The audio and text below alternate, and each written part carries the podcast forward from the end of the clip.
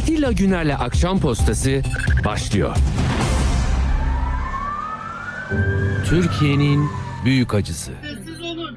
Sessiz olun. Enkaz altındayız. Kaşımız kanıyor. Arkadaşımızın birinden ses yok. Enkazdan 3 kişi canlı çıkarılacaktı. O anda bir gürültü koptu. Bize 100 metre yukarı fırlattılar. Böyle inanılmaz bir gürültü insanlar üstümüzden geçti yani.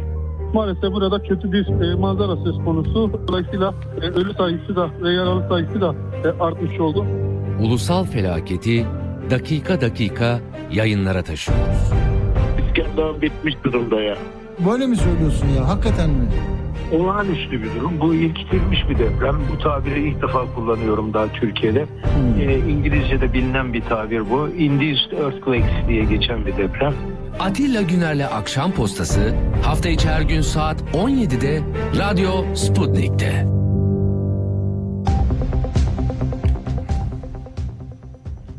Akşam postasından hepinize iyi akşamlar efendim. Evet bugün de haftanın son günündeyiz. 17 Şubat'tayız. Yine konuştuğumuz meselenin iki ayrı cephesi var. Türkiye'nin büyük bir bölümü bu acılarla ilgili sorgulama yapıyor. Ne yaptık? Öncesinde ne yaptık? Deprem sırasında ne yaptık? Şimdi ne yapıyoruz? Sorular var, yanıtlar bekliyoruz. Ama bir bölümü de değişik medya grupları tarafından ortaya konulan resim. Her şey iyi gidiyor. Bütün unsurlarıyla seferberlik ilan edildi. 3 artı 1'lerin inşasına hemen başlıyoruz 10, 10, 13 gün sonra ve 105 metrekare olacak. Ferah ferah oturacağız. Sizin bilme hakkınız var, anlama hakkınız var. Dolayısıyla buna hizmet etmek lazım. Yoksa görüntüyü şu ya da bu şekilde size anlatıyor olmanın tek taraflı olduğunu düşünüyorsunuz değil mi? Yani e, olayda şu var. Bir yandan da sesimde bir e, yankı varmış galiba. Onu kapatmamı istiyor arkadaşlar. Hemen onu yapayım. Bir saniye. Öyle- Peki e, yani tabloyu biliyorsunuz değil mi? Siz de yankı odasında yaşıyorsanız siz de kaybettiniz. Çünkü yalnızca bir şeyi biliyorsunuz. Yani ya iyi taraflarını gösteriyorlar ya da çok kötü. Bakın ikisinin ortasında bizim mesleğin yapması gereken işi konuşuyorum ben. Ve bu konularda hassasiyetim var. Şimdi yani söylemekle olmuyor, dayatmakla olmuyor, görsel efektlerle olmuyor. Bence olmuyor. Çok şey geliyor böyle, sakil oluyor, anlaşılmıyor. Yani ne yaptığınızı e, siz kendinize anlatamazsınız. Yani demirleri aldık, inşa, çimentolar alınıyor diyor şimdi adam televizyonda ya. Bitti bitiyor. Daha öbür tarafta kepçe girmiş, eli çıkmış yavrucağın. Hop bir dakika insan var diyorlar. Kahramanmaraş'ta dağlar gibi şeyler var. Beş ayrı yerde enkazlar götürülüyor gördüm. Başında G3 ile başka şehirlerden getiril gelen askerler aman milletinin altınını çalmasınlar diye belki orada ileride Allah korusun hani bir naaşına ulaşma ihtimali var insanların. Bir anlamda ayrıştırıyorlar demirleri, işte toprakları falan e, geri dönüşüm yapmak için. Geri dönüşü yok bunun. Gitti o canlar ve daha canların hani yedisi çıktı, kimisinin çıkmadı.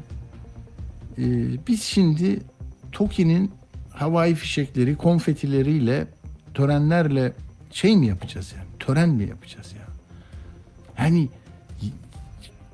39 depreminden sonra Cumhuriyet'in tamamında nereye oturmamız gerekir onu daha planlayamamışız. Nasıl bir güçlü bina yaparızı 99'daki o acıyla öğrenmişiz. Üç defa değiştirmişiz. Hala inanmıyorum ya. Hala. Adam Adıyaman'da otel önce bir apartman diye başlamış. Sonra arsa sahibiyle anlaşamamış. Ne melen bir şeyse o. Neydi o? Hani Kıbrıs'taki çocukları öldüren İSİAS. 120 kişi öldü. 10 yıl atıl durmuş inşaat. Yağmur yemiş, çamur yemiş, kar yemiş. Sonra da hadi ya biz demişler 91'deki durum bu. Düşünün bak 99 depremi falan yok daha. Sonra 2001 99 rehber, de- depremi olmuş. 2001'de rapor almış adam. E, ruhsat almış. 36 daireymiş. Sonra 65'e çıkarmış. 3 kat daha çıkmış. Sonra da 12-14 yaşında çocuklar geliyor. Voleybolcular onları öldürüyorsun değil mi?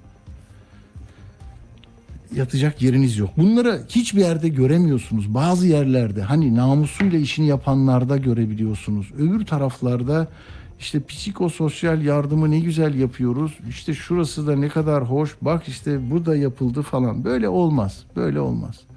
Peki şimdi ben diyorum ki e, dünkü e, yayını çok etkiledi beni. Arkadaşlar t- t- bulabiliyor muyuz e, Gülşah İnce'yi? Şimdi Gülşah İnce çok tarihi bir muhabirlik yapıyor. Fox TV'de 13 gündür oralarda. Hakikaten her köye gidiyor. Her konuda merak gideriyor. Soruyor. Hiçbir ön yargısı yok. İnsanlara ulaşıyor. İnsan insana mikrofonu uzatırsanız haber orada bugün. Acı orada, beklenti orada, kayıplar orada. Gülşah da bunu yapıyor. Gülşah'a dün e, hatırlayın e, izleyenler biliyorlar ama izlemeyenler için çok kısa Gülşah'ın zamanı varsa ne olur onu bir vereyim çünkü o olmadan anlaşılmayacak. Kahramanmaraş'ta bu kadar acının yaşandığı yerde belediye başkanı geliyor tamam mı? E, Gülşah da orada sizin adınıza bulunuyor. Ha şimdi böyle anılarını sonra kitap mitap yapmayacak, film de yapmayacak, piyes de olmayacak bu. Orada 12.980 binada 60 bin bağımsız birim tamamen yıkılmış. Kayıplar çok fazla. Ve oranın bir belediye başkanı var. Adı da Büyükşehir Belediye Başkanı. Tamam mı?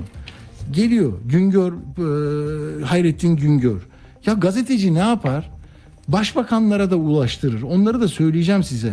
Blair'den Macron'a gidip de uzattıkları zaman ya sel felaketinde mesela Kanada Başbakanı Justin Trudeau'ya dediler ki sen burada fotoğraf çektirirken onlarca gönüllü yardım sırası bekliyor deyince başbakan özür dilerim dedi. İngiltere'de Boris Johnson'a geç kaldınız burada ne işiniz var dediğinde o da özür dileyerek bölgeden ayrıldı. Bizde Kahramanmaraş Büyükşehir Belediye Başkanı Hayrettin Güngör yani padişah olsa anca böyle muamele olur.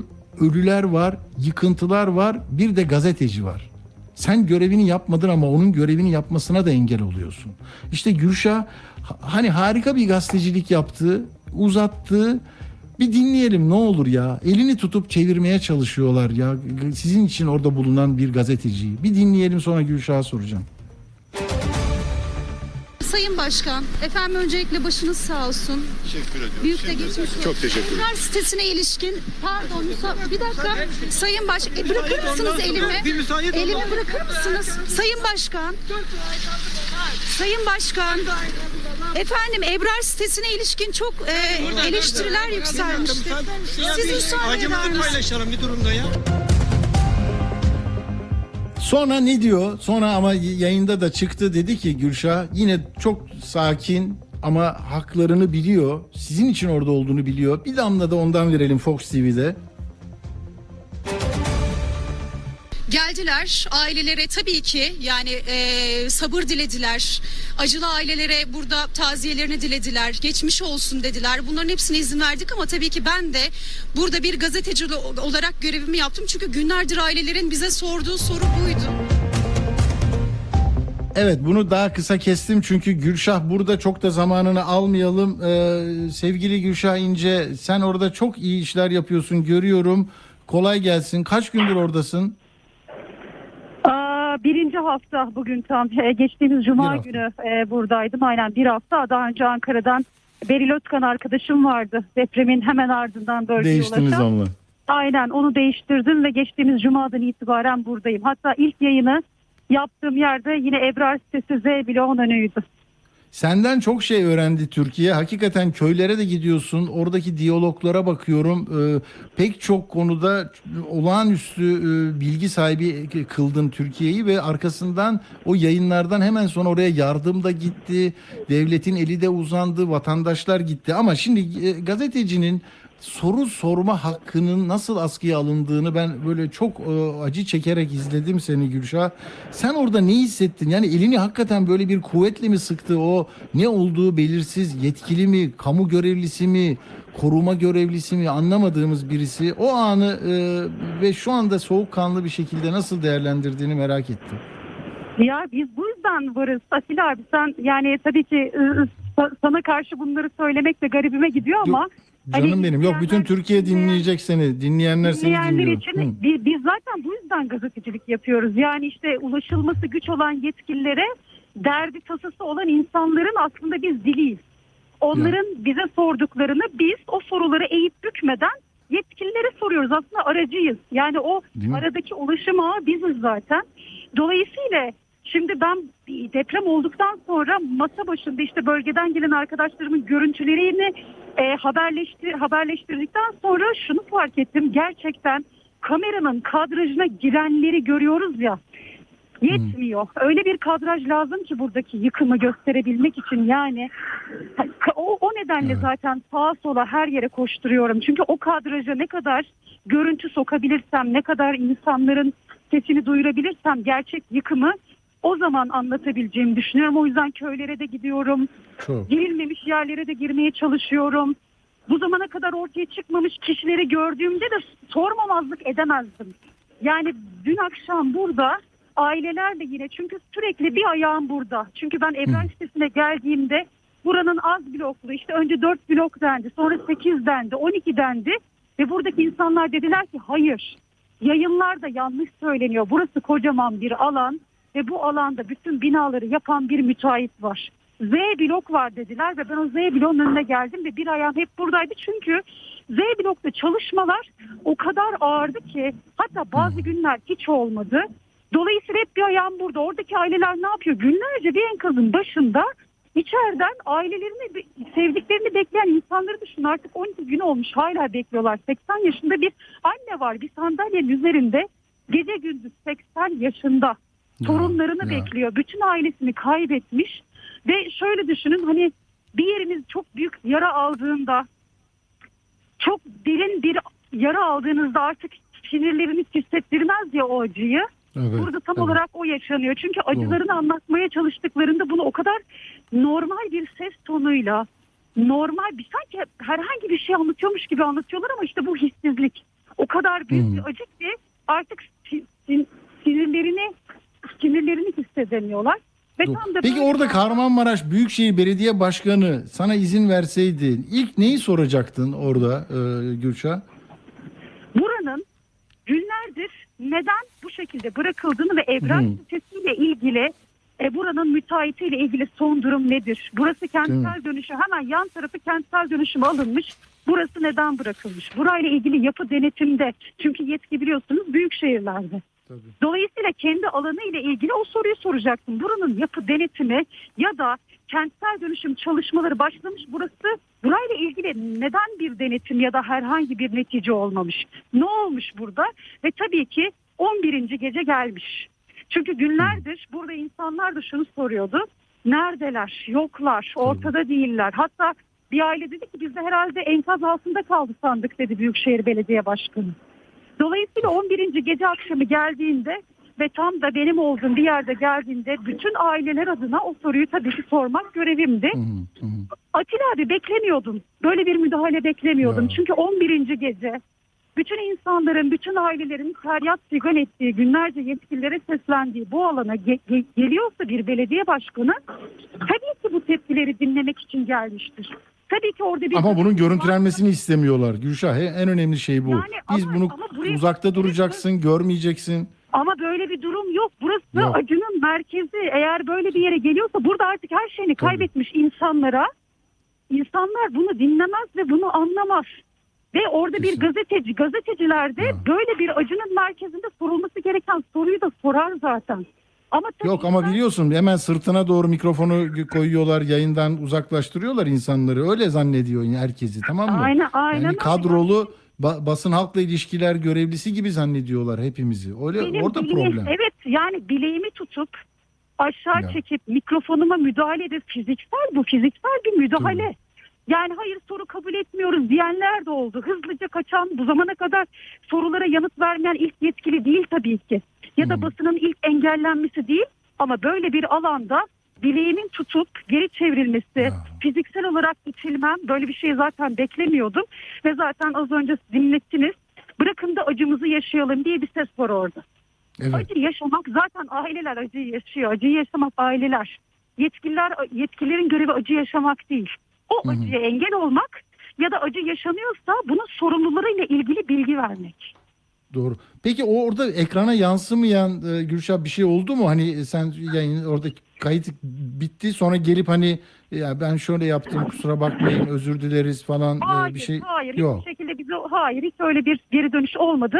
Aileler onlar adına özür diledi tam tersine.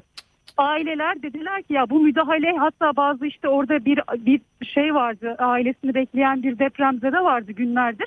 Ha, dört Orada enkazım var diyor. Enkazda dört kişi var diyor değil mi o? Dört kişim vardı diyor. Ondan sonra bir kişi daha diyor ki 10 gün oldu. 10 gün diye bir orada bir isyan etti. 10 gün oldu dedi başkana. Bunları Başkanın ben- bir yanıtı oluyor mu? Hani bizim kaydedemediğimiz bir görüş açıklaması oluyor mu? Hayır sadece dinledi. Başınız sağ olsun. Ya. İşte geçmiş olsun. Ondan sonra böyle bir yani metanet ve işte taziye. Yani onları işte ya acınızı paylaşıyorum. Genelde beden dili bu şekildeydi. Ve insanların o seslerine karşı sadece kafasını sağladı, dinledi. Onları biraz sakinleştirmeye çalıştı. Tabii ki bu da görevlerinden biri. Tabii Ama tabii ama trafik kazasında yani bir karayolundaki trafik kazasına gitmiyor ki. Kendi yetki ve sorumluluk alanında yaşam alanı inşa edilmiş, kontrol edilmemiş, Zaten- denetlenmemiş Evet. ama yok. Ee, bu yani çok nedenle zor. sorunun muhatabı, bu nedenle zaten sorunun muhatabı kendisi.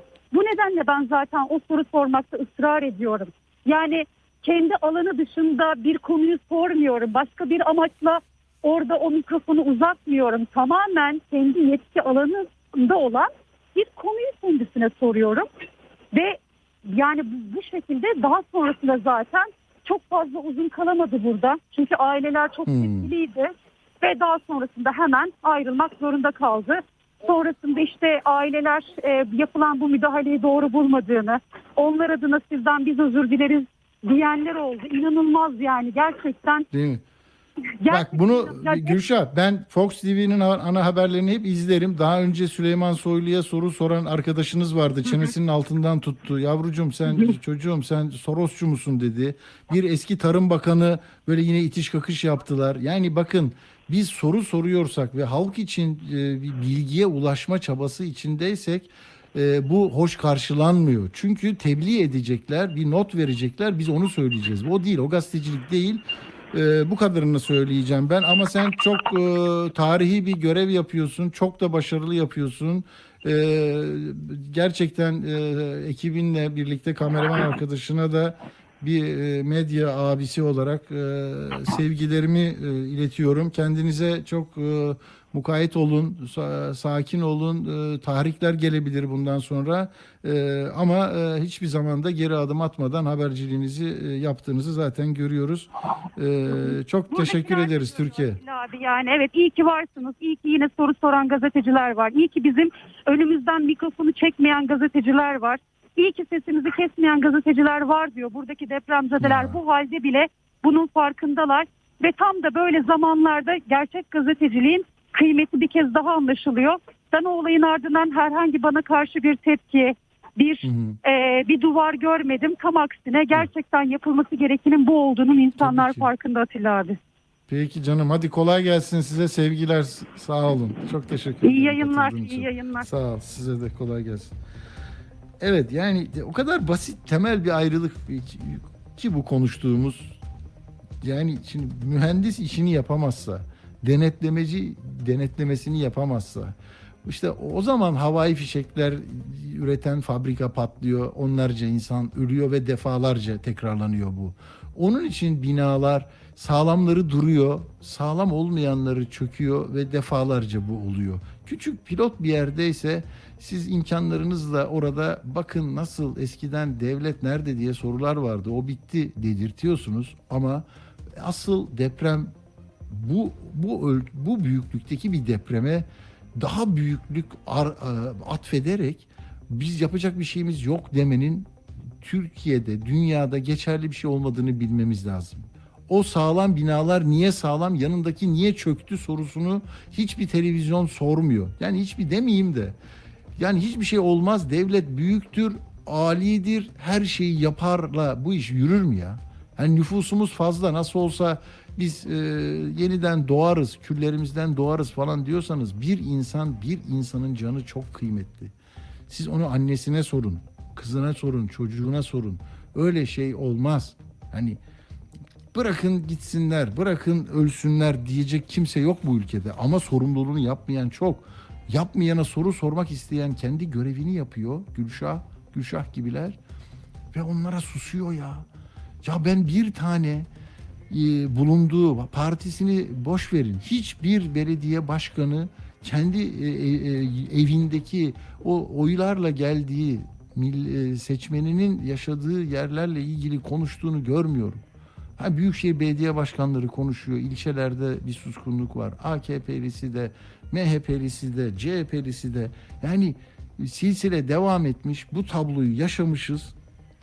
Sonra da işimizi yapamaz hale geliyoruz. Yani benim e, işini yapmayanlardan sorunum var. Yapmayanlarla sorunum var. Hani hep gösterdim ya size. Yahu tablolar yapmışlar, grafikler yapmışlar. Buradan geliyoruz. Yapı denetlimi burada, yönetmelik burada.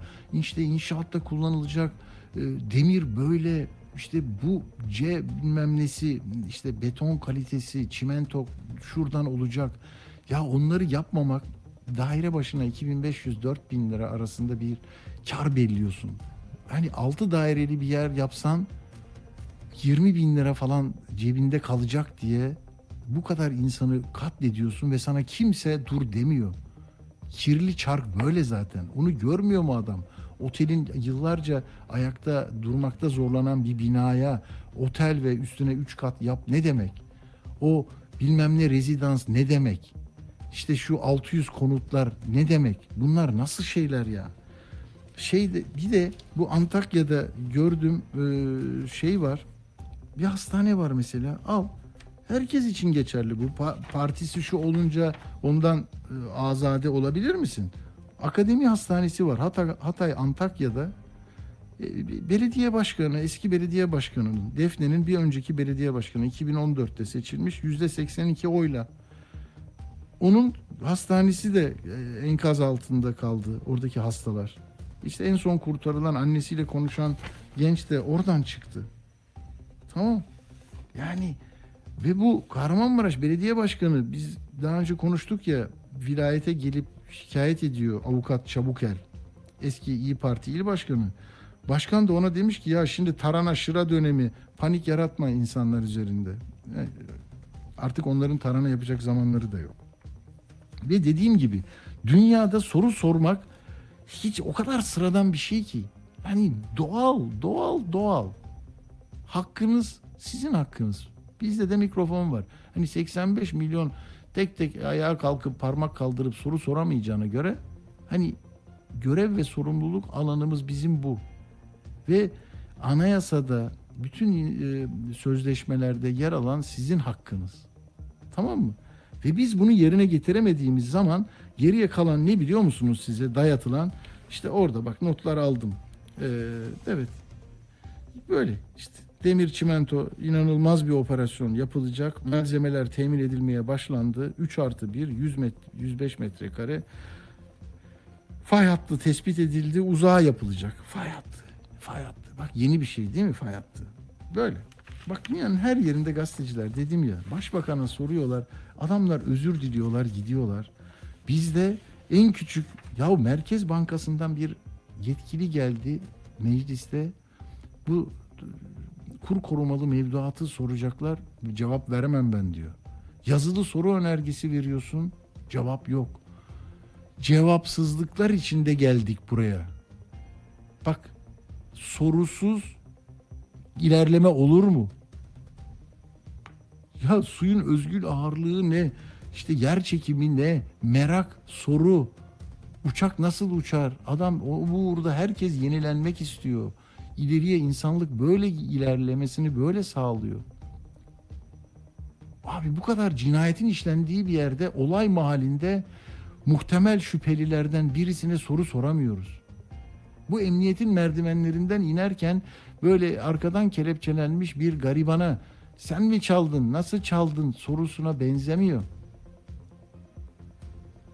Orada yani seçimle iş başına gelmiş hala makam arabasıyla korumalarıyla gelen ve görevini yapma konusunda bizde tereddütler oluşmuş. Savcılığın e, çalışma yaptığı insanlar bunlar. Sadece müteahhit mi?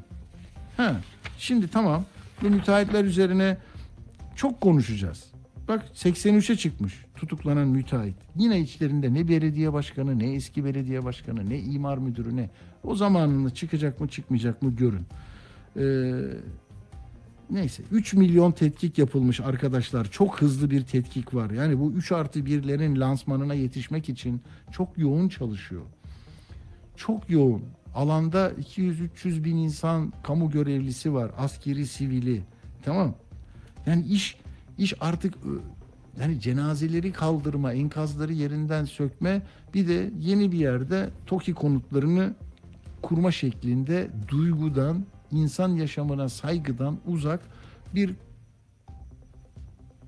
bir şekilde devam ediyoruz. Ya Profesör Orhan Tatar onun sesi var mı bizde ya? Ee, ya bakın hep böyle çıkıp hani ölüyorsa kaybettiğimiz canların sayılarını mekanik bir sesle hiçbir duygu ve bir şey paylaşma e, olmaksızın paylaşan Profesör Orhan Tatar televizyona çıktı. Bu soruya muhatap oldu. Habertürk'te bence bu dönemde yine basın tarihine geçecek isimlerden birisi de Mehmet Akif Ersoy. Hani ışıkları söndürttü, karanlığın ne olduğunu gösterdi bize. Hiçbir şey yoktu. Arkasından kamu görevlileri ışık hemen oraya götürün. Nerede bir haber var götürün. Görünen çünkü şey e, senaryo öyle yazılmamıştı. Nereden çıktı bu? Biz ayarla yani dikkatli dikkatli ellerden haber çıkacaktı. Bunlar ne yapıyor ya? Ne yapıyor bunlar? deyip oraya koşturup aman ışığı düzeltelim, yemeği verelim hali vardı. Yani gittim geldim şimdi ben bu kadar insan acı çekerken ben gittim gördüm şeyine düşmek istemiyorum. Ama herkes üç gün dedi. Herkes üç gün. Üç gün. Yağma üç gün. Eczaneler üçüncü gün. Başladılar o kenardan köşeden her şeyi soymaya. Çünkü yok otorite olmadığı zaman yani AFAD senin bak AFAD binası 67 milyon liraya yapılmış. Nasıl bir bina? Onun fotoğrafı var mı arkadaşlar? AFAD'ın muazzam bir binası var. Uğur'a atmıştım ben fotoğrafı. Gazete fotoğrafında gördüydüm. Muazzam bir bina. Tamam mı? Üstünde de H yazıyor. Helikopter kalkacak gideceğiz oraya. Gidemedik. Ama diyor ki Orhan Tatar ya 20 gün şu eleştirileri cebe koyalım. Sonra da diyor ki ya diyor olay olur olmaz biz 10 dakikada devlet toplandı. Yahu toplantı salonları güzel olabilir. Adalet sarayları büyük olabilir. AFAD'ın binaları çok büyük, çok güzel olabilir. Belediye binaları güzel olabilir. İşlevi ne? Yani orada oturdunuz da üç gün bir yere gidemediniz. Bir sesini verir misiniz? Şöyle bir 10 gün, 15 gün, 20 gün cebimize koyalım. Muhakkak eksikler olabilir, çok doğaldır. O kadar büyük bir felaketle karşı karşıyayız ki şu anda bunun boyutlarını gittikçe her gün daha iyi anlıyoruz. Bin Şöyle bir anlamalıyız. Bir alandan bahsediyoruz. Geç kalma ve yani bir takım eksikliklerimiz var ama eleştirileri sonra konuşalım. Şu anda bu süreci atlatalım gibi mi anlamalıyım? Efendim şunu demeye çalışıyorum. Geç kalma diye bir şey söz konusu değil. Sonuçta bir afete nasıl müdahale edilmesi gerekiyorsa ilk andan itibaren bu yapılmıştır. Bunu çok net olarak söyleyebilirim. Bakın ben saat 4.17'de deprem meydana geldi. Burada AFAD merkezi yerleşkede konaklayan, kalan 7-24 saatini burada geçiren bir kişi olarak söylüyorum. 5 dakika içerisinde, 10 dakika içerisinde devletin bütün kurumları burada toplanmış durumda. Bu kadar net. Geç kalma söz konusu değil dediğiniz zaman zaten konuşacak hiçbir şey olmaz. O kadar on binlerce kişi bir siyasal amaç uğruna mı konuşuyorlar ya? Üç gündür yok diyenler herkes bunu söylüyor. Yani stratejik plan yapılmış E, 477 milyon TL. Afet konutları için 3 milyar lira. Yeni hizmet binaları 2,5 milyar lira. 2019'da 23 arası AFAD. Merkez binası 2012'de 67 milyona yapılmış. Orhan Bey de diyor ki yok böyle bir şey. Ya bir canlı yayında başbakanlar özür diliyor. Bu özür dilememe bize ait bir haslet mi arkadaşlar? Kim öğretti bize ya? Ya geçen gün gördüm Japonya'da çocuklar birinci sınıftan itibaren hani samimi ol, sorulara düzgün cevap ver, yanlış hata eksik varsa özür dile diye eğitiliyorlar. Başlarını eğ- eğerler ya böyle hani ellerini birleştirirler. Bir taahhütü yerine getirmediklerinde hayatlarıyla ilgili en zor kararı verip neler yaparlar? Şimdi yani biliyoruz ama bizde bizde muamele şu. Ya sen devlete ne diyorsun kardeşim nasıl yapıyoruz biz ya? 10 dakikada oturduk. E gidememiş olabilir. Sonra başkası diyor ki kar yolları kapadı ondan hani 128 milyardaki sorularda da hep askıdaydı ya o zaman hani 6 6 yer 6 cevap verdi sorular çok kıymetli soruları soran adam şeye de e, talip diye değil. Hani sen e, seni e, seni oradan alacağım anlamı taşımıyor. Senin sorumluluklarını hatırlatıyorum ve bir daha insanlar ölsün istemiyorum ya. Başka neyim ne diyeceğim yani? Şimdi tabii bu medyayla nasıl yapacağız? Bir, bir şey daha söyleyeceğim. Hani siz bir sürü meseleleri her yerden izleme kapasiteniz var biliyorum. Yani uygulamalardan bakıyorsunuz, seçtiğiniz haberler geliyor, akıllısınız. Bir şey demeyeceğim. Yani daha fazla e, bilgi yüklemek istemiyorum size ama medyanın hani medya dediğimiz bu yeniden dizayn edilen sistemin ne işe yaradığını sorgulamaya çok e, ihtiyaç var diye düşünüyorum. Aklıma geldi. Nereden geldi biliyor musunuz? Babacan'ın adı devlet televizyonlarında, radyolarında iki kez geçmiş. Bir iddia. Bunu teyit edemem ama e, Deva Partisi yöneticisi e, söyledi televizyonda. İsim yanlış söylerim şimdi İdris Şahin diye hatırlıyorum ama dedi ki ya dedi Babacan'ın ismi öyle bir medya düzenindeyiz ki Babacan'ın ismi devlet radyo televizyonlarında iki kez çıktı. Birincisinde Covid olduğunda, ikincisinde de e, bu yardım kampanyasında telefonla bağlanıp maaş e, bağışı yaptığında dedi. Tamam ya bunu böyle söylemek lazım. Yani sonra ben de dedim ki çünkü Hatay'a gittiğimde girişinde böyle arkadaşlar şehire çok az kaldı Antakya'ya girmeye. Sağda işte kışlanın çatısı çökmüş. Hastane ilim yayma cemiyeti çatlamış. Böyle gidiyoruz, gidiyoruz. Sonra bir boşluk alanda muazzam bir e, şey var, hareketlilik. Jandarma kapıda duruyor. Girdim içeriye. İBB lojistik merkez kuruyordu. 6. gün. Sordum orada bir yetkiliye. E, 2500 kişi buradayız dedi. Her taraf İBB e, zabıtası, iş makinası, çadır kentler kuruyorlar. Bir de lojistik destek. Her şey oraya gelecekmiş, gidecekmiş. Sonra da açıldı orası. Dedim ki bu acaba çıkmış mıdır? Ee, A Haber'e ve Sabah'a e, şeyde web sitesinden tek tek sorguladım. Yalnızca İBB nerede geçiyor biliyor musunuz? Bir tanesinde. Vali İstanbul valisi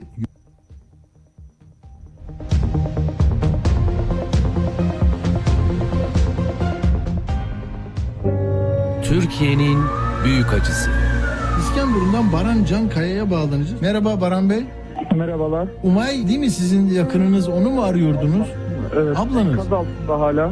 Deprem olduğundan beri hala ses alamadık ablamla. Geç müdahaleden dolayı vefat eden de oldu. Konuşup da sonra çıkarana kadar onlar da vefat etti maalesef. Ulusal felaketi dakika dakika yayınlara taşıyoruz. Ben, ben Evet vali lafından sonra kesinti olmuş arkadaşlar yani teknik nedenlerle işte İstanbul valisi diyor ki İBB de var yardım kampanyasında. O nedenle İBB çıkmış. 5 yani Şubat'ın işte 6'sında oldu. 7'sinde 8'inde bir kez geçmiş. Sonra mesela İBB'nin ne çadırı, ne yardımı, ne tırı, ne çalışması.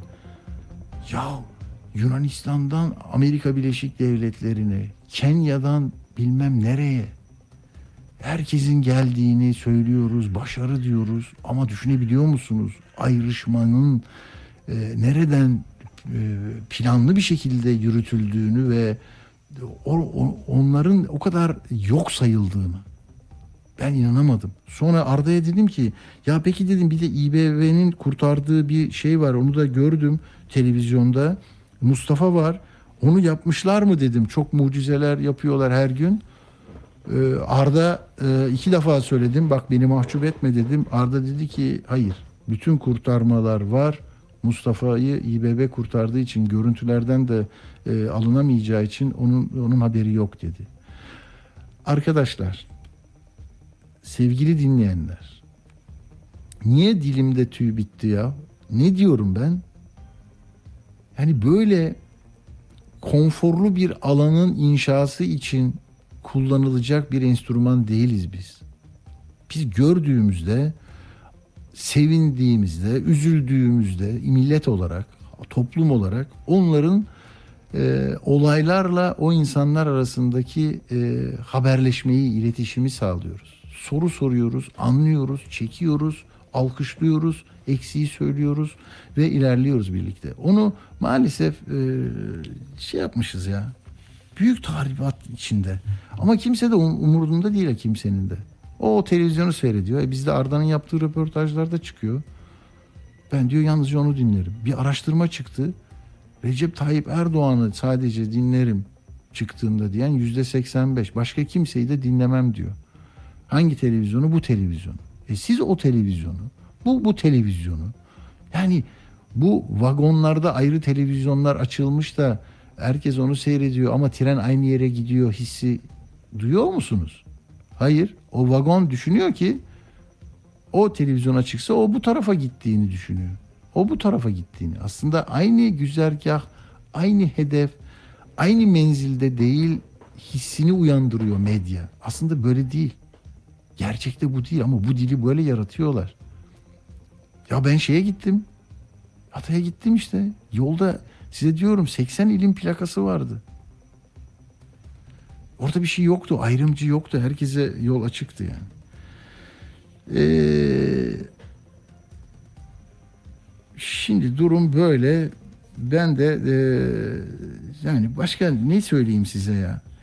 Mesela vinç firmaları gelmişler e, arazi şeyden binalardan e, vinç çıkartıyorlar yukarıya eşyaları toplatıyorlar. Bir kısmı yıkılacak binalar çok sıkıntılı. 7 bin lira 9 bin lira para alıyorlarmış. Valiliklere bırakmış bakan. Diyor ki isteyen diyor eşyasını güvenli bir şekilde valilik izin verirse alabilir diyor. Böyle bir şey. Ama e, onu da geçtim. Bu GSM şirketleriyle ilgili çok büyük sıkıntı var. E, dolayısıyla e, ona da geleceğim ama Uğur'u bir alalım. Bir küçücük ara verelim. Uğur'un e, almamız lazım. Çünkü Uğur'un bir e, şeyi var, mazereti var. Önce onu alalım. Enkazlarla ilgili çok hızlıca o bize bir şeyler aktaracak. Dünyada anlatılmayanları anlatıyoruz. Geçelim buradan hemen Yunanistan'a. Gidelim şimdi Mısır'a. Program editörümüz Uğur Koçbaş hep ayrıntıların peşinde. Dünyadan zaten Uğur'un şeyi copyright bölümü. Neden yapıyoruz? Çünkü 12 Eylül bizim AB maceramızın da aslında yıl dönümü. 34 tane fasıl hala bekliyor. Bunu zaten İngiliz basını da manşetlerine taşıyarak Boris'e büyük yargı darbesi. Dünyada anlatılmayanları anlatıyoruz. Evet Uğur sen enkaz çalışmıştın. Ne oluyor? Dünya nasıl kaldırıyor? Biz nasıl e, bu arada bir şey daha söyleyeyim. Kahramanmaraş'ta e, kamyon kullananlar, tır kullananlar biz 4 ayda burayı e, anca e, tamamlarız demişler. Düşün Maraş e, ilinde 5 ayrı yer yapılmış. 10 kilometre uzakta değişik yerlere götürüyorlar ama bir yandan da e, işte TOKİ konutlarının temeli atılacak. Sen baktın dünyaya değil mi?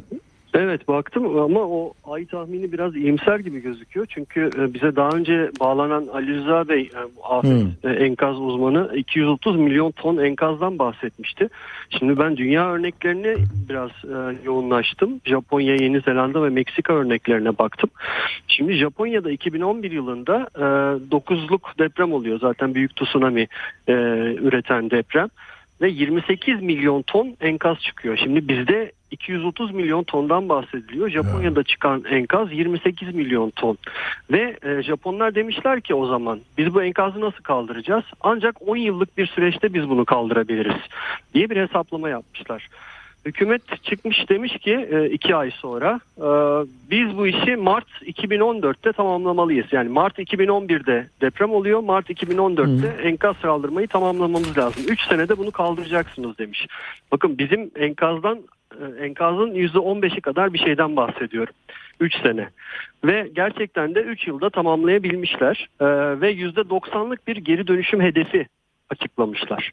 Şimdi bu geri dönüşüm de çok zor bir şey tabii bu enkazda. Ee, Japon İnşaat Firmaları Birliği 14 bölgede birlikte çalışmış. Yani öyle tek firmanın falan yapabileceği bir iş değil. Bu çok e, yoğun bir çalışma ve ortak çalışma gerektiriyor. Ee, ve bizimkinin e, hani 8 katı diye düşünürsek 24 yıl yapıyor. Eğer enkazları oranlarsak. Şimdi tabii daha fazla kamyon, daha fazla inşaat şirketi falan bu işin içine girerse belki daha az sürede ama aylar değil yani bu yıllar sürecek bir şeyden bahsediyoruz. Yine 2011'de Yeni Zelanda'da Christchurch'te e, 6.2'lik deprem oluyor. 10 bin konut iş yeri yıkılıyor. 837 bin ton enkaz çıkıyor. Yani bizimkiyle hiç kıyaslanamayacak kadar düşük. Bunun sadece 104 bin tonunu geri dönüştürebiliyorlar. 8'de birini ve 8 yıl sürüyor buradan çıkan enkazın taşınması ve geri dönüştürülmesi. 2019'da tamamlayabiliyorlar. 2011'deki depremin enkazını 2019'da ancak kaldırabiliyorlar. Ve e, burayı bir park haline getiriyorlar. Enkazın taşındığı yeri. iki yıl içinde yeşillendiriyorlar. E, işte büyük bir park alanı haline getiriyorlar. Yürüyüş alanları, bisiklet yolları, ağaçlar ve e, Yeni Zelanda'nın en büyük parklarından birisi haline getiriyorlar. Şimdi Meksika örneğine baktığımız zaman da 8'lik bir deprem. 1500 bina yıkılıyor. Yine bizimkiyle çok kıyaslanamayacak kadar düşük. Ee, ve 2000 bina ciddi hasarlı oluyor. 720 bin ton enkaz çıkıyor. Bir buçuk ayda bunu ancak e, taşıyabiliyorlar. Ee, yine yani buradan ne sonuca ulaşıyoruz? Bizim de deprem enkazıyla bunları karşılaştırdığımız zaman bir kere kesinlikle yıllar sürecek bir enkaz kaldırmadan bahsediyoruz ve o şehirlerin aynı yerlere kurulması çok mümkün gözükmüyor. Bu enkaz kaldırmalar devam ederken zaten e, haberlerde de okuduk bunu. E, hükümetin e, şehir merkezlerini taşımak için yeni büyük araziler aradığını ve yeni binaların oralarda inşa edilmeye başlanacağına dair. Yani Hatay'ın merkezi artık orası olmayacak. O çok belli veya Malatya'nın merkezi veya Gaziantep İslahiye orada kurulmayacak. Başka bir yerde kurulacak adına İslahiye diyecekler gibi bir durum söz konusu olabilir. Bunun bir başka boyutu da asbest. Şimdi bütün uzmanlar bunu söylüyorlar. Bu e, 1999 öncesinde yapılan binaların çoğunda asbest var. Ve bunlar zaten yıkıldığı zaman e, enkazdan e, bu asbest tozları ortalığa saçıldı. Ama daha tehlikelisi bu enkazlar kaldırılırken o görev alacak görevlerin e, bu asbeste maruz kalması meselesi olacak. O yüzden e, Birleşmiş Milletler'in de bu enkaz kaldırma ile ilgili 47 sayfalık bir dokümanı var. Orada da buna çok geniş yer ayırıyorlar. Yani özel e, ekiplerin bu enkaz kaldırmalarda mutlaka faaliyet göstermesi lazım. Bir başka mesele toz, enkaz tozu. Bunların da işte akciğere e, girmesi sonucu e, büyük hastalıklara sebep olabileceği falan söyleniyor. Bir başka mesele bütün evlerin buzdolapları vardı. Bu buzdolapların içinde yemekler vardı. Şimdi o yemekler e, enkazın içinde ve bunlar bakteri üretmeye başladılar bile. Ve bu bakteri üremesi demek tonlarca bakterinin bir anda o bölgelerde ortaya çıkması ve salgın hastalıklara kapı aralaması demek. Şimdi geri dönüştürme meselesinde bunlar da çok önemli olacak. Yani ben vinçle geleyim, enkazı kaldırayım, kamyona yükleyeyim, götüreyim diye bir şey asla söz konusu olamayacak.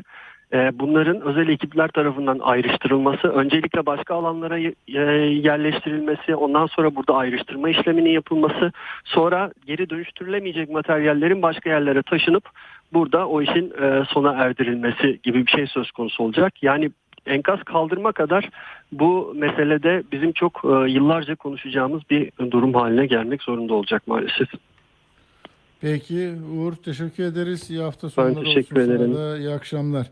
Evet şimdi e, benim bu GSM operatörleriyle ilgili de e, tecrübemiz var. Hani 99'da öyle oldu. İstanbul'da ne zaman e, Eylül'de bir deprem olduğunda da e, mahvoldular. E, yani çalışamadı. Ona da bir e, açıklama yaptılar tabii ki. Sonra büyük depremlerle ilgili de şimdi yeni izahat şu. Diyorlar ki ya binalar e, ne yapayım? Binanın üstüne koyuyorum. Kulelere izin vermiyor vatandaş. Kule kuramıyoruz. Çocuk parkı, okul falan varsa e, yasal sıkıntılar var. Dolayısıyla biz de binaların üstüne koyuyoruz. Aynen öyle demiş bak Vodafone'un CEO'su e, Engin Aksoy diyor ki e, bazı baz istasyonları bina üzerinde olunca yapacak bir şey kalmıyor. Nüfusun yoğun olduğu bir bölgede deprem olursa baz istasyonları yine yıkılacaktır. Yani binanız sağlam değil onun üstüne koyuyoruz biz diyor. yani nasıl yani? Yapacak bir şey yok mu? En kötü laf. Yapacak bir şey yok. Öyle mi? Durduk yani. Geldik bittik artık. Sağlam binayı ara. Yani çürük bina herhalde paraya ihtiyacı var. Aidatlara falan filan oraya koyabiliyorsun. Öbür taraf adam izin vermiyor. E zaman en sağlamını bul. Bilir kişi gelsin. Belediyeyi çağır. Nereye koyuyorsun kardeşim? Oraya koyamıyorsun kule yap. Kuleye de diyor izin vermiyorlar diyor. Halk istemiyor. Kurmayın diyorlar. Yani biz bugün bir kule kurarken o kadar çok zorlanıyoruz ki. Ya bu belediye hiç değilse vatandaşının tepesine onu koyduğunda hem vatandaşını öldürüyor hem de iletişimi bir kez daha ikinci bir cinayetle iletişimi de bitirmiş oluyor. Altta kalmış insanın telefonla ulaşamıyorsun. O zaman git kenarda köşede insan sağlığına zarar vermeyecek bir şey bul. Yapacak bir şey yok. Denir mi ya? Ya öyle olsaydık biz hala at arabalarıyla gidiyor olurduk ya. Üç ayda da işte Hatay'a giderdim ben yürüyerek falan yani. Uçak var falan. Yapacak bir şey var. Ya böyle bir şey nasıl söyleniyor? Koskoca bir şirketin yetkilisi. Ben inanamadım buna. Ee, neyse yani neyse değil ya. Bunun için bir de koordinasyon toplantısı yapıldı. Şimdi neyse onunla da Atilla bazen bilmiyorum diyorsun. Bazen neyse diyorsun. Yani söylemek istediğim varsa söyle. Bak iç sesim öyle dedi. Arkadaşlar şeklen yapıyormuş gibi olmasın hiçbir şeyimiz. Kendi hayatımızda da, ailemizde de, mahallemizde, apartmanımızda, ülkemizde. Bu İstanbul'daki o son Eylül ne, Arda hala e, bana onu bir atamadı yani. Duyuyor burada tarihi söyleyemiyorum. İstanbul'da küçük bir deprem oldu. Bütün telefonlar e, çalışamaz hale geldi Eylül'de. Ha, 2019 Eylül müymüş? Tamam. 26 Eylül 2019'da merkez üssü İstanbul Silivri 5.9 5.8 büyüklüğünde meydana gelen deprem. Bir, ke, bir kişi kalp kriziyle ölmüştü. Hatırlıyoruz yaptık ettik bunu. Çoğu panik nedeniyle 43 kişi yaralandı. O gün bak yani 20, 21, 22, üç buçuk sene önce hemen arkasından bir şey toplandı. Bu GSM operatörleri aman depremde de çalışacak artık sorun olmayacak e, haberleşme e, olacak diye. Merak ettim şimdi orayı da yazıyorum. Ben eskiden böyle şeyler yazamıyordum. Peki. Ee, ya oradan buradan da bir şey çıkmadı. Mesela çök, kapat kafanı, gir masanın altına tatbikatı oldu. Çok başarılıydı. Yani o da bir çare olmadı. İşte çok büyük bir afat binası var. İlk üç gün için söylüyorum arkadaşlar. Dördüncü gün siz dünyanın bütün gücünü oraya getirseniz fayda etmiyor. Hava soğuk. O mucize dediklerimizle yetinmemizi istiyorsanız Allah onlara ömür versin. Tamam 220 saat, 250 saat. Ama ülkelerin kaderi sadece kahramanlar, mucizeler, efsanelerle olmaz. İşleyen, işleyen, akılla yürütülecek müdahale planları olan bir yapı olması lazım. Size dedim Adana'da açıyorsun, açın Adana AFAD'ın e, bir numaralı isminin e, profili nasıl kaleme alınmış bir bakın.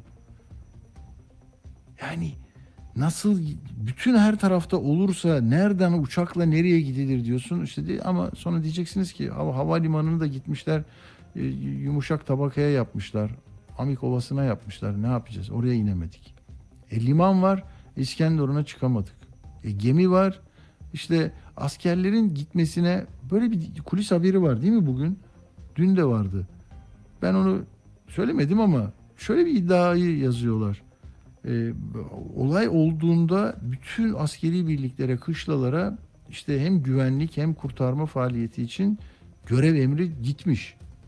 Ama Erdoğan askerin e, halkın e, gözünde e, bu kurtarmaları yaparken sivil otoritenin zarar göreceği zannıyla e, geri çekilmesini istemiş diyorlar. Ya bunlar doğru çıkmayabilir. Ben de okudum ama diyor peki o gördüğümüz askerler neydi ilk bir, gün sonra? İşte onlar da bu emri e, alamayıp e, alana çıkanlar. Çünkü sayıyı biliyorsunuz birinci günün sonunda 3300 3500 askerimiz var dendi. Şimdi herhalde 60 bin 70 bin asker var ama sadece enkazları bekliyorlar. Altın çalınmasın diye. Bir de yağma olmasın diye. Yağma da bitti zaten. Bundan sonra yağma olmayacak. Üç gün yoktu. Dördüncü gün yavaş yavaş geldiler. Ee, burada da ha şey Muharrem İnce'nin bakın bu GSM operatörlerini konuşuyoruz. Depremde ne yapıp edip e, bunu çözmek lazım. O toplantı tutanaklarını da yayınlasalar da öğrensek ne yaptıklarını. Ee, Muharrem İnce'yi dinleyelim bakalım. O da bir televizyon bağlantısında şikayetini nasıl dile getirdi haberleşme için. 99 depreminde biz iletişim sorunu yaşamıştık Yalova'da. Telefonlarımız çekmiyordu. 24 yıl geçti üstünden. Depremden de 11 gün geçti. Hala daha 24 yıl önce ne yaşadıysak telefonla konuşmak, internet hala sorunlu. Telefon şirketlerine sesleniyorum. Teşekkür ederiz. Güzel bağış yapıyorsunuz da ya şu bağış yapmaktan önce şu altyapınızı güçlendirseniz de bizi kazıklamasanız adam gibi ulaşabilsek dünyaya çok daha güzel olur diye düşünüyorum. Evet Muharrem İnce'nin de e, böyle bir haklı tepkisi var. Çünkü telefon varsa koordinasyon kolay. Telefon varsa enkaz altında e, sinyal var. Her türlü hani hani mesaj gidecekti. E, telefonu olmayan şeye ne mesaj gidecek ya? O zaman da gidememişti zaten. Bir sorun yokken de bir kısmına gidememişti. Yani hep kötü şeyleri söylüyor değilim arkadaşlar. Can derdindeysek, insanları yaşatmak gibi bir temel prensibimiz varsa bu 2-3 günü bazı yerlerde ya ben şimdi abartı olmasın diye köylerde 11. gün bir ekmek gördüm diyen bir hanımefendi vardı. Onu da kestik mi bilmiyorum. Yani isterseniz daha kötüsü de var. Daha iyisi de var. Adana merkez değil mi? Gidildi oraya çünkü. Adana'da 11 bina var. Bak Adana'daki e, şeyi gördünüz mü ya? Adana'da yüksek katlı ya. E, şu sayının içinden e, bir çalışma yapmıştık Uğur'la. Adana'da bakın 148 bina sadece yıkıldı. Yıkık, yıkılacak. Bu bu bu bu kategoride 1602 daire var içinde. Yani yani 4 kişi yaşasa değil mi? 7-8 bin kişi olacak. Yani çok ve onların da işte e, vefat edenleri yine 400-500'e bu e, yaklaştı. Şimdi ne diyecektim? Ha, yani o da var, bu da var. E, peki şimdi neyse başka bir şey söylemeyeceğim. Ben 3 dakikamız var. Arda'nın bir röportajı var. Seçim meselelerine girmek istemiyorum. Çünkü Cumhuriyet'te bir haber var. Birkaç yerde de var. Erdoğan 18 Haziran olabilir kıvamındaymış. Öyle bakıyormuş meseleye. E, Arınç İsmail Saymaz'a demiş ki ya beni niye suçluyorsunuz? Ayeti kerime mi bu? Değiştiririz. Değiştirsinler bana ne? E, Ne muhalefet ne iktidar. Bunları konuşamaz. Ben araya girdim aracı oldum diyor. Tabii aracı oldum derken hani oturun bir masaya diyor ya. Orada da ben ç- çok alırım yayına Burak e, Bilgehan Özbek Hoca da çok enteresan Medyaskop'ta dedi ki ya dedi bu dedi böyle bir geçiş süreci parlamenter sistem gelin anlaşalım e, yarı parlamenterlik e, olabilir milli mutabakat hükümeti kuralım işte seçimleri böyle yapalım falan böyle bir birlik beraberlik ama Erdoğan böyle bir şeyi istemez dedi sonra. Acaba Arınç buna mı zorluyor? Çünkü çok e, artık ayrışma yoğun ve kopmalar var zihnen, vicdanen memleketin insanları farklı farklı yerlerde duruyorlar. Bilmiyorum. Murat Sabuncu da diyor ki Hatay, Maraş, Adıyaman, Malatya'da zor. Buraya da hızlıca bakın diyor. Arda'nın bir röportajı var. Hadi sokağa inmiyordu Arda.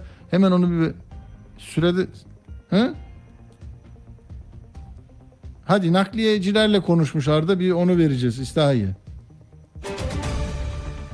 Merhaba abi. Ee, siz e, nakliye işiyle uğraşıyorsunuz değil mi? Evet abi. Ee, benim İslahiye'de evimdeki eşyalar nakliye edilecek ama fiyat nedir? Ne kadar nakliye ücreti? Abi nereye gidiyor? Oradan 2-3 kilometre öteye gidecek. Abi vallahi o hediye olur sana. 7 bin lira. Yaklaşık bir 5 kilometre ileriye eşyalarım e, götürülecek. Nakliye ücreti ne kadar oluyor? Abi altı eleman geliyor. Ankesör bir kamyon yerine bırakıyoruz. Eşyanı alıp yerine bırakıyoruz. Komplesi onun sana olacağı 9 bin lira oluyor abi. 6 kişi geliyor, evden eşyalarımı alıyor, götürüyor. Evet. Fiyat ne kadar dedin? 9 bin abi 9 bin. 9 bin. Eşyaları da siz taşıyorsunuz değil mi? Evet abi. Evet bunu işte bakan kurum da söylüyor. Böyle bir yeni sektör çıkmış. Yani geliyorlar yukarıya doğru vinçle bir platformu yükseltiyorlar. Girip içeriden sizin istediğiniz listeyi veriyorsunuz. Risk, ölüm var ucunda. Ama onlar indiriyorlar, gidiyorlar. Tabii fahiş fiyatlar da var. İşte gördünüz Arda da aradı. Orada bir mağdur e, gibi bir kontrol etmek için aradı. Ama bunları da valilik şeye bırakmış. E, bakanlık diyor ki vali bey uygun görürse açıklayacak. Gideceksiniz böyle çalışacaksınız. Bir de diyor fahiş fiyatlara da diyor göz açtırmayacağız diyor. O ilgili televizyonlar da bunu haber yaparken fiyatı söylemiyorlar ama valilik burada her türlü önlemi aldı. Fahiş fiyatlar olmayacak diyor. Hadi bakalım.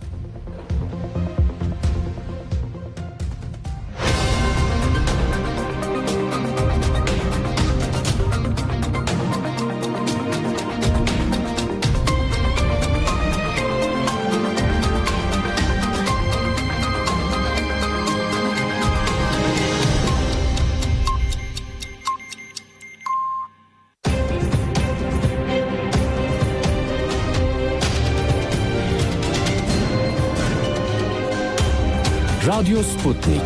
Anlatılmayanları anlatıyoruz. Atilla Güner'le Akşam Postası devam ediyor. Evet İzmir'den de e, Bekir kardeşim diyor ki Barolar Birliği'ni 95 avukat kaybetti. Yani doktorlarımız, gazeteciler, herkes hepimiz yani ayrıca belirtmenin şu açıdan e, faydası var. Hani e, en e, yoksulumuz da orta hallimiz de okumuşu da okumamışı da hepimiz böyle seçimini biz yapmıyoruz. Binanın zannediyoruz ki bütün süzgeçlerden geçti, filtrelerden geçti, denetimlerden geçti ve biz orada oturabiliriz diyoruz. Maden işçisi de öyle düşün- düşünüyor. Her şeyi yaptık, yatırım yaptık. Korkma diyorlar. Giriyorsun, ölüyorsun. Buraya gidiyorsun, ölüyorsun. E doktorun da o çalıştığı hastanede öyle biliyor. Avukatın satın aldığı evin gü- güvenli olduğunu varsayıyor. Orada canını veriyor. Böyle yani hepimizi bazen hani vasatlıkta eşitleniyoruz, bazen ölümde eşitleniyoruz, bazen yoksullukta, erişememekte. Yani aşağıya doğru inen ve en aşağısı da maalesef ki maalesef toprağın altı öyle bir seyir halindeyiz. Tamam. Şimdi Arda'nın o röportajını hızlıca vereceğiz. Arkasından da yolcu gelecek. Yolcuyla da konuşacaklarımız var. Onun daha doğrusu söyleyecekleri var.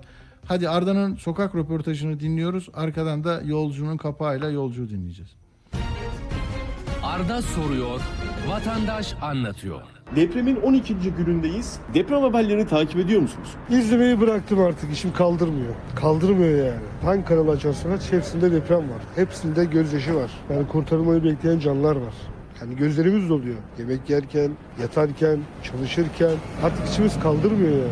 Sizin eviniz güvenli mi? Siz güvende hissediyor musunuz evinize kendinizi? Ben değil hiç kimse kendini güvende hissetmiyor. İstanbul depreme hazırlıklı mı sizce? Hiç hazırlıklı değil. İnsanlar ne kadar hazırlıklı olsa bile herkes bir korku içerisinde. Güvenli bir binaya geçme şansınız var mı? Ben şu anda 3 lira kira ödüyorum. Yeni binaya geçsem en az 7-8 lira. Gücüm yok.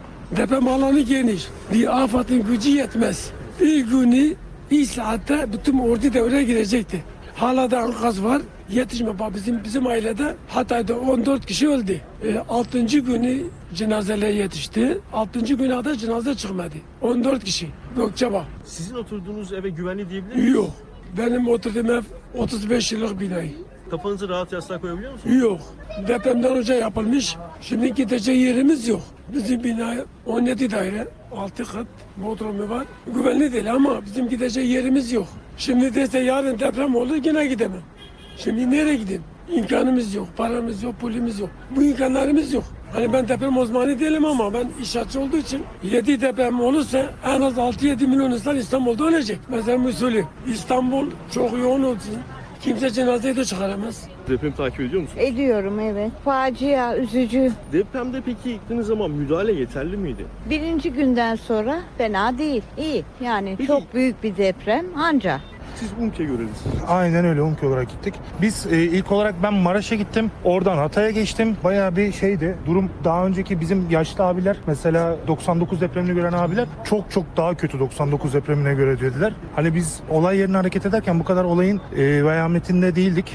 Ciddiyetinde değildik. Şu an tek ihtiyaç olan ısınma. Başka, e, ısınmadan başka hiçbir ihtiyaç yok. Onu da söyleyeyim. Her şey fazla fazla e, var. E, demediğimiz tek nokta şu an kış. Allah'ın izniyle onun da üstesinden geleceğiz. Saat 8'de vardık. Direkt 10 saatte vardık. Hani biz kendi üzerimize ne düştüyse yaptık. Gerisi dediğim gibi e, aksaklıklar tabii ki var ama öyle yetersiz bir durum yok yani. O gizemli bir yorumcu. Kim satranç oynuyor? Kim poker oynuyor? Kim tavla oynuyor? Adı yolcu. Memleketi, dünyayı geziyor ve anlatıyor. Jeffrey Immelt o kadar benim zamanım önemli dermiş ki her gittiği yere çift uçakla gidermiş. Hani bozulursa öbürüne binelim. Gürcistan modelinin aynısı Yunanistan'da var. Yunanistan'da sahillerde dolaşırken güzel hoş e, villa görürsün veya yolu. Tahlil ediyor, düşündürüyor. Ben 18 senedir harp akademilerinde ve NATO'nun üst düzey subaylarına da eğitim veren biriyim. Bak bak ben bunları saklamak için neler yapayım burada sen kendin... Bu kadar. Yolcunun çarpıcı yorumları Atilla Güner'le Akşam Postası'nda. Ladies and gentlemen, welcome on board. Yolcu anlatıyor. Sevgili yolcu merhaba. Nasılsın? Ee, merhaba. Nasılsın? Ee, kişi, kişi, kişi olarak iyi olabilirsin ama her yaptığından dolayı e, matemin beş aşaması vardır. O aşamayı toplum olarak yaşıyorsun. Bir de insanların çevrelerindeki akrabalarından, tanıdıklarından, e, tanımadıklarından bir şeyler duyuyorsun. Ya şöyle oldu, şunu kaybettik, bunu kaybettik. Tabii o e, yani iyi olmayı biraz e, ister istemez engelliyor. Doğru. Ama hayatta böyle. Hayat sana e, hep her şey çok güzel olacak diye e, sadece bir film ismi olarak gelir. Onun dışında işte menüde ne varsa onunla karşılaşıp onunla baş edeceksin. Evet. 12 gün geçti. Mesela yolcu e, senin o şey kıvrak zekanla, e, bakışınla yani ne neyi konuşuyoruz? Memleketin halleri ne? Hani bazı televizyonlar "Aa, harikayız, tek yürekiz, mucizeleri e, peş peşe yaşıyoruz. Bazıları işte büyük sıkıntılarımız var. Yani buradan ne çıkıyor? Biz ne yaşıyoruz ve ne, nereye ait hissediyoruz kendimizi? Atilla nehrin yatağı değişir ama nehir geri akmaz. Şimdi bizim içinde bulunduğumuz e, coğrafyanın kendine ait özellikleri var. Ne diyoruz? İşte üç tarafı denizlerle çevrili. Bu bizim coğrafyamızı anlatıyor. İşte dağlarımız var diyoruz, ovalarımız var. Turizm ülkesiyiz. Türkiye'nin deprem dışındaki her türlü coğrafi özelliğini burada yaşayan toplum gayet güzel kucaklar ve kabul eder. Ama deprem gibi bir gerçekle yüzleşmeyi sevmez. Çünkü ne zaman olacağını bilmediğim bir şeydir. Ama birkaç tane şey söyleyeyim sana. DASK dediğimiz zorunlu deprem sigortasının şu anda Türkiye'deki ortalaması %52. Öyle bir sistem düşün ki deprem ülkesinde yaşıyorsun ve zorunlu olarak da bir yasa çıkmış. Yasaya uygun olarak da yaptırman gereken bir sigorta var. 100 kişinin 52'si yaptırıyor. İstanbul'da %62. Deprem bölgesi baktım yaklaşık 1.9 milyon bina var orada. Bütün bu 10 şehrin toplamında 1.9 milyon binada e, toplam %52'si DAS yaptırmış. Yani hiçbir zaman depremin olmayacağına dair bir varsayıma sahip. Genellikle Anket yapsak böyle çıkacak o zaman değil mi? Hani olmayacak Evet, canım. Tabii tabii olmayacak ya kardeşim desen ki ya depremden bir gün önceye dönelim. Diyelim ki 3 Şubat 4 Şubat günü mikrofonu uzatalım. Ya burada deprem olursa ne yaparsın? Ee, işte bununla ilgili bir sigorta yaptırmayı düşünür müsünüz? Biliyorsunuz bu yasa maddesi diye sorsak. Oradaki insanlar e, rahatlıkla bize şunu söyleyebilirler. Ya bir grup der ki ya doğru söylüyorsun vakit bulamadım. E, evet ya ara sıra düşünüyoruz ama unutuyoruz der. E, öncelik olmadığını söylerler. Bir diğer grup ise "Ya Allah'ın verdiği canı Allah alır. İşte onun verdiğinden başkasına biz bir şey yapmayız der. Kasko'nun Türkiye'deki ortalaması yüzde otuz. İnsanın e, kapitalist sistem içerisinde mülkiyet sahibi olduğu iki tane büyük kavram işte. Tansu Çiller'den de hatırlıyorsun. İki anahtar vaat ediliyordu. Yani biri evde biri anahtardı. O iki o iki mülkiyet e, aracı bile bir sigorta altına alma konusunda e, hassas olmayan bir toplum var. E, ki bu toplum 99 depremini de yaşamış. Artı bu bölgelerin e, deprem bölgesi olduğu biliniyor. 500 sene önce de olmuş. Efendim bu büyüklükte deprem olmuş. Geliyor diyoruz. Geliyor diyor uzmanlar. Geliyor Geldi diyoruz. geliyor. Geçen senenin toplantısı var. Raporu var.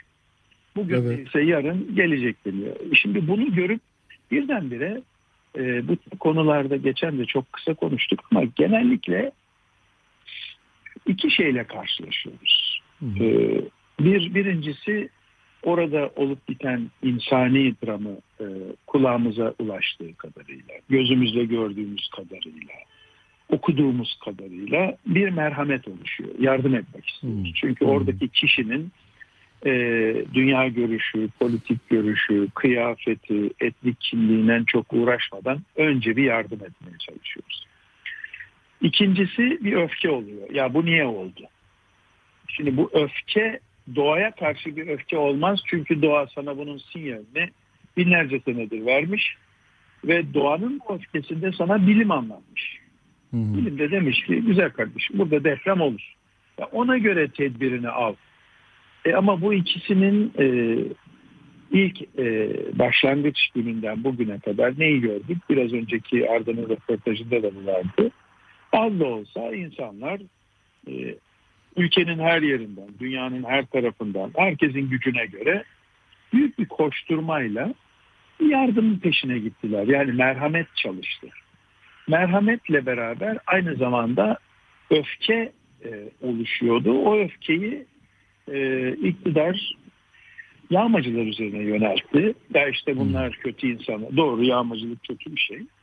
Ama dünyanın hiçbir yerinde bugün modern dünyada ve bizim yasalarımızda yağmacılar dövülür diye bir şey yok. Yağmacıların bir cezası vardır.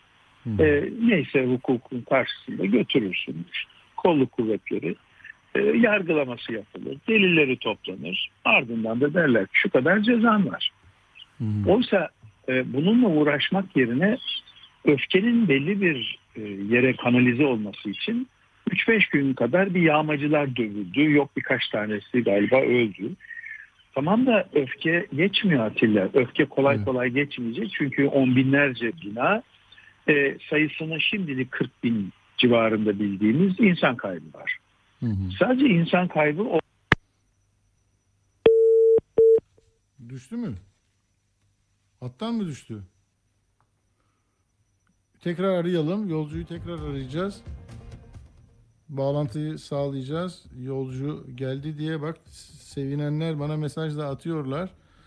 Ama e, yolcu yoğun adam her zaman da olmuyor işte. Yolunda olması lazım onun. Şarjım bitti acaba ya? Aldık mı? Peki. Ha sevgili yolcu kesildin ama e, hemen herhalde hat, Tamam. hatla ilgili. E, dolayısıyla o öfke şimdi başka türlü devam Hmm. edecek. Birkaç tane örnek vereyim. Şu anda e, yıkılacak binalardan çıkacak e, yıkıntı miktarı 100 milyon ton. Bir daha söyleyeyim. Pardon 100 milyon tonluk bir atık var. Bu her bir binada e, bunların hepsi yeni binalar değil. Bu binaların bazıları 20 senelik, bazı 30 senelik, bazı 40 senelik. Dolayısıyla çoğunda asbest var. Kanserojendir asbest. Dolayısıyla bölgede şimdiden kahin gibi konuşmak istemem ama maalesef maalesef yanılırım ve yanılırsam çok sevinirim. Bölgede potansiyel akciğer kanseri vakalarının artma olasılığı yüksek. Çünkü o kadar tozun toprağın içinde yarım gün bir gün değil günlerce yani sen deprem bölgesine 100 metre tamam evin yıkılmadı ama e, kilometrelerce o toz yayıldı. Kazdıkça e, şehri temizlemek için inşaat artıklarını kamyonlara doldurup devam ettikçe o artık atıklarda maalesef çevrede bir potansiyel taşıyor. Artı Orada maske takmalarında fayda olur değil mi yolcu? yani çok büyük faydası tedbir olarak olur. onu da Devletin söyleyelim ya. ac- acilen maske dağıtması lazım. Ya. acilen maske dağıtması lazım. Acı ama gerçek. Ee, insan ve hayvan kalıntıları var. Ee, hayatını kaybetmiş insanların cenazelerinin, bedenlerinin parçaları var. Hayvan cesetleri var. E, bunların hepsi dizanteri ve kolera ve benzeri türde hastalıklar için potansiyel taşıyor. Artı daha şimdiden e, uyuz türü Ya e, cilt hastalıkları başlamış durumda. çok konuşuluyor. Bölgede bölgede yoğun biçimde egzama, zona, sedef görülebilir. Ağır stresten dolayı, depresyondan dolayı. Bu, bu tür e, biliyorsun cilt hastalıkların üçte ikisi psikosomatiktir. Yani herhangi bir vücuda dışarıdan bir mikrop, bir patojen girmeden de e, açığa çıkar. Genellikle psikolojide e, kaygıdan sonra depresyon safhasına geçilirse ki normal akış öyledir. E, kaygı manik depresif halin portresi itibariyle böyle ilerler. İlle de olmaz ama çoğunlukla böyledir. Kaygı zaman içerisinde kaygıyı şöyle görürüz Atilla. Önce e, inkar ederiz. Ya olur mu ya yok canım o kadar büyük değildir. Ama şimdi teknoloji nedeniyle bir de e, dinleyicileri hatırlatalım. Google Earth e, o bölgedeki haritalarını yeniledi. Ya bugün Google Earth'e gider bakarsan hakikaten depremden yıkılmış binaları tek tek görebiliyorsun. O netlikte görebiliyorsun hem de. Dolayısıyla şimdi birinci aşamada inkardan sonra başkası suçlanır. İşte devlet yapmadı, efendim müteahhit yapmadı, e, denetim Belediye yapmadı, yapmadı. Evet. belediye yapmadı. Önce başkası suçlanır. Başkasının suçlandığı yerde kişinin enerjisi yüksekse, bağırıp çağırıyorsa bir olay karşısında, yeni bir olay karşısında bize şunu demektedir kişi, ben kaygılıyım. Kaygının en temel göstergesi yüksek enerjiyle olup bitenin e, sorumluluğunu almak yerine başkasını suçlamak, olayı didiklemek, nasıl oldu, ne oldu, o öyle mi oldu, bu böyle mi oldu sürekli sormak, sorgulamak ve Ama haklı tarafı da var tabii bunun değil mi yolcu? Yani Aslında şey- asla bu Ha. hak haksızlıktan çok bağımsız. Ha. Ben insan bedenindeki Tamam. biyolojik tepkiden bahsediyorum. anladım, Tabii ki ha- anladım. haklı tarafı tabii ki var. Olmaz Tabii olur mu? Ya, Ee, yani çünkü şöyle düşün. Ben e, bir ev almışım, parasını vermişim, yeni inşaat yapılmış, oturmuşum. Adam demiş ki bana depreme dayanıklıdır, şöyle Tamam, sertifikası var. Yani şimdi ben artık kim ne yapayım yani her şeyi de tek başıma kontrol edemem. tabii. Ama bir niye devlet niye var değil mi? Sistemi niye kurduk E, biz? Tabii. Yani sen ikimiz senle bir alışveriş yapıyoruz. Sen araban 100 lira ediyor. Diyorsun ki al yolcu kardeş arabam 100 lira helal olsun. Al diyorum paranı evine git. Yok diyorsun. Noterden. Devlet buna iştirak ediyor. Diyor ki ben onaylıyorum. Artık o mülkiyet senin değil yolcunun oldu. O yüzden de devlet madem burada ortaklık yapıyor noter kanalıyla ev satarken devlet orada Devletin Yolcu orada- çok özür dilerim ya. Çok özür dilerim. Hakikaten araba Lütfen, örneğin çok lütfen. güzel. Sonra da hayır aldın ama gidiyorsun yine e, şeyi var, testi var, egzozuna bakıyor. Yahu tabii ki. Yahu tabii ki. Bırakmıyor Tabii seni ki. arabayla. Tabii ki. Değil mi? yani sen bir otomobili Ya. aldın. Bakım yaptırmama Fenli şansın var muayeneye gidiyorsun. E tabii bu en sonuçta oturduğun bir beton mekan, bunun e, yıpranması var. Yaşadığı bir takım korozyonlar var vesaire. Dolayısıyla bu ikinci safa yani o kaygı safhasından sonra e, tehlikeli olan aslında diğer safhaya geçiliyor depresyon safhasına. Depresyonda insan önce Atilla yok sayıyor. Nasılsın? Ya işte e, anneyle babayı kaybettik ama şükür iyiyiz. Önce bunu söylüyor. Yani önce bir yok sayıyor. Çünkü çevresine bakıyor. Herkes harap halde. Buna da şükür diyor. Bir adım sonrası tehlikeli. Bir adım sonra kendini suçlamaya başlıyor. İşte orası depresyon. Ya ben bunu yapsaydım, ben etseydim, ben çocuğumla ilgilenmedim, ben o eve alırken keşke sorsaydım. Tamam başkalarının da suçu var ama benim de Tayin, tayin var. isteseydin başka yere Tabii, giderdin. ta- tabii ki. Bana dediler ki o evi alma. Bana dediler ki orada oturma. Bana dediler ki bak o iyi müteahhit değil. Ben dinlemedim gibi kendimize bir takım aletler buluruz. İnsanoğlu olarak. Yani bu boşanmada da böyledir. Eğer yoğun bir duygusal etki yaşanıyorsa iş kaybında da böyledir. İnsanın bir yakın kaybında da kariyer kaybı, iflasta da böyledir. Dolayısıyla bu aşama işte insanın regresi olup kendi içine dönmesi haliyle ağırlıklı olarak insanoğlu anne karnındaki o cenin pozisyonunu almaya, içeri dönmeye. Ben zaten kötüyüm. Bunu kolektif biçimde şöyle düşün. Depremi bugün Türkiye'de neredeyse e, vicdan ve aklı olan yani bebekler, deliler ve canileri kenarda tutarsan e, onun dışındaki herkes depremzededir Atilla.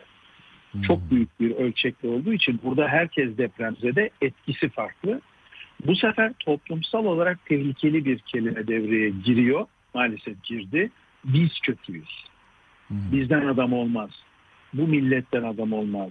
Bu millet hiçbir şey yapamaz. Bu millet değişmez kardeşim. Bunların hepsi de depresyon gösteriyor. Depresyonda kolunu kanadını kaldıramazsın. Hiçbir eyleme geçmek istemezsin. Hiçbir şey. Destek ne zaman? Destek burada şu an o anda mı gelmesi lazım? Atilla önce kaygıda bir desteğe ihtiyaç var. Kay- çünkü kaygının teknik anlatımı şöyledir. Ee, yani kaygı dediğimiz konu e, evine şimdi senin evin 5. katta aşağıda karanlıkta bir bakıyorsun işte orada birileri arabayla durdular ve senin evi işaret ediyorlar.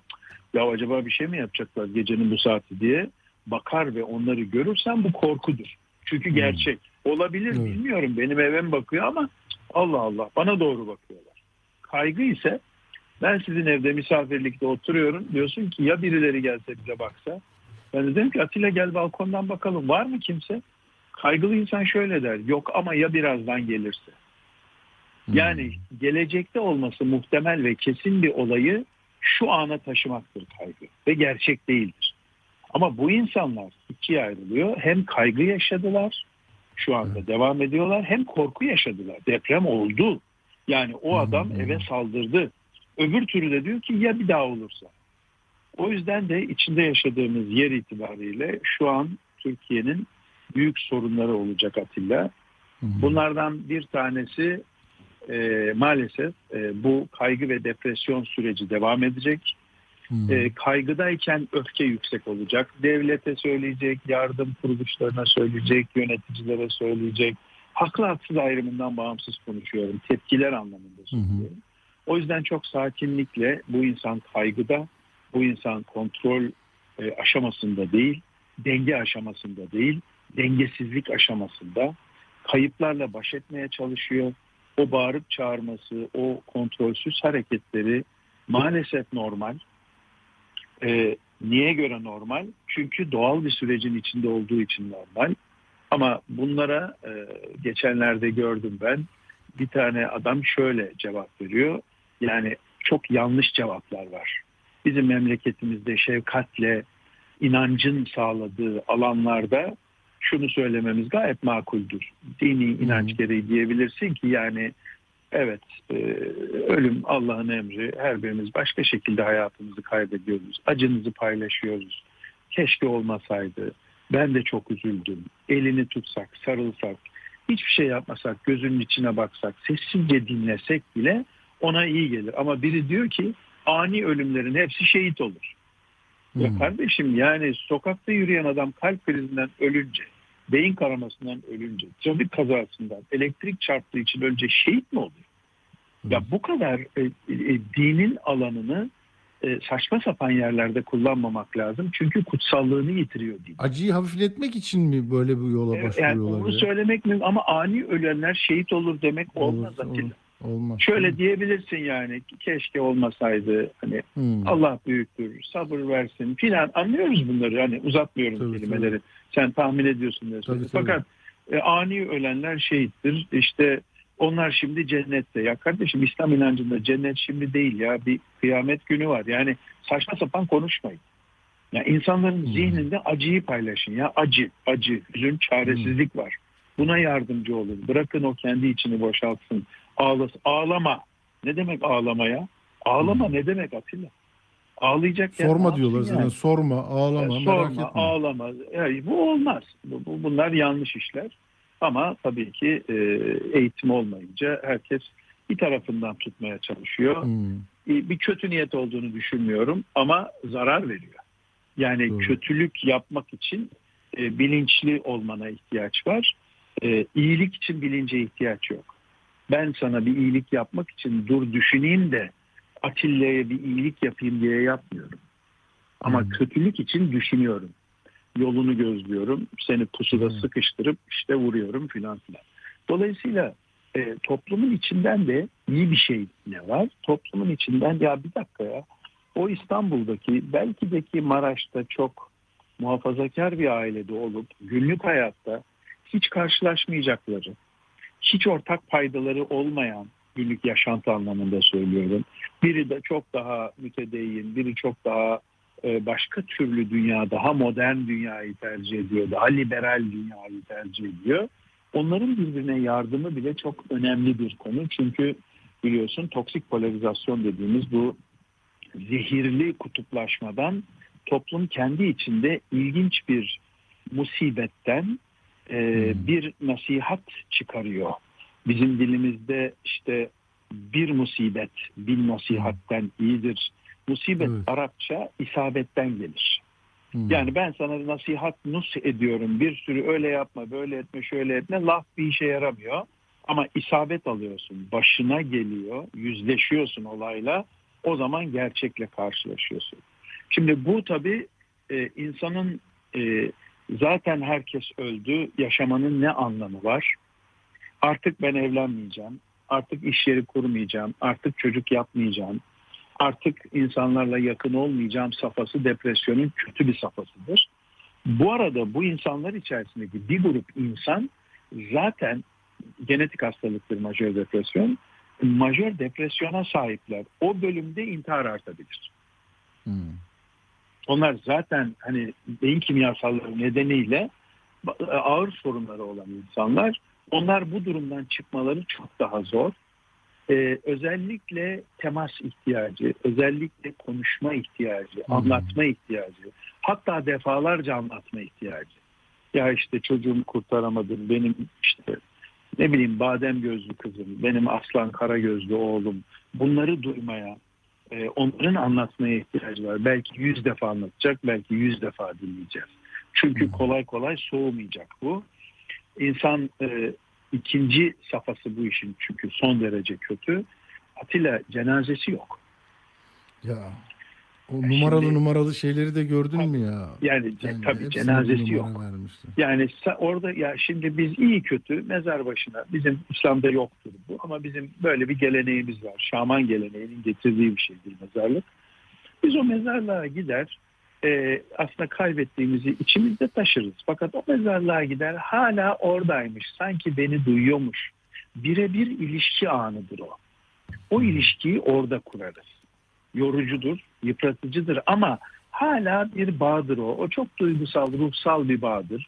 İşte rahmetli babamı şu tarihte kaybettim. İşte mezarı burada. Mezar bir temizlenir, bir konuşulur. Bak geldik baba bayramda diye sanki oradaymış gibi. Ama birçok insanın, birçok derken on binlerce insanın Atilla mezarı yok. Ee, bir grup insan da orada kaybettikleri nedeniyle göç edecekler. Özellikle gençler göç edecek. Ya yolcucum çok az kaldığı için süre bu göç meselesi bence çok enteresan. Bunu e, başka bir zaman e, bizim için tabii. zaman ayırırsan e, çok seviniriz. tabii, Yine tabii. çok sayıda mesaj var. Bıra yolcuyu kesme sesini diyor ama bizden sonra da Enver Aysever'in programı var. Tabii, E, Yeniden birlikte olduğumuz için çok teşekkür ediyoruz zaman ayırdığın teşekkür için. ederim. İyi akşamlar diliyorum. Sağ olasın. İyi akşamlar. Evet biz de programı burada noktalayalım. Ee, Çünkü beklenen sürenin üzerindeyiz. Ee, Hepinize olabildiğince iyi bir hafta sonu diliyoruz. Allah'a ısmarladık. Atilla Güner'le Akşam Postası sona erdi. Şu garip hali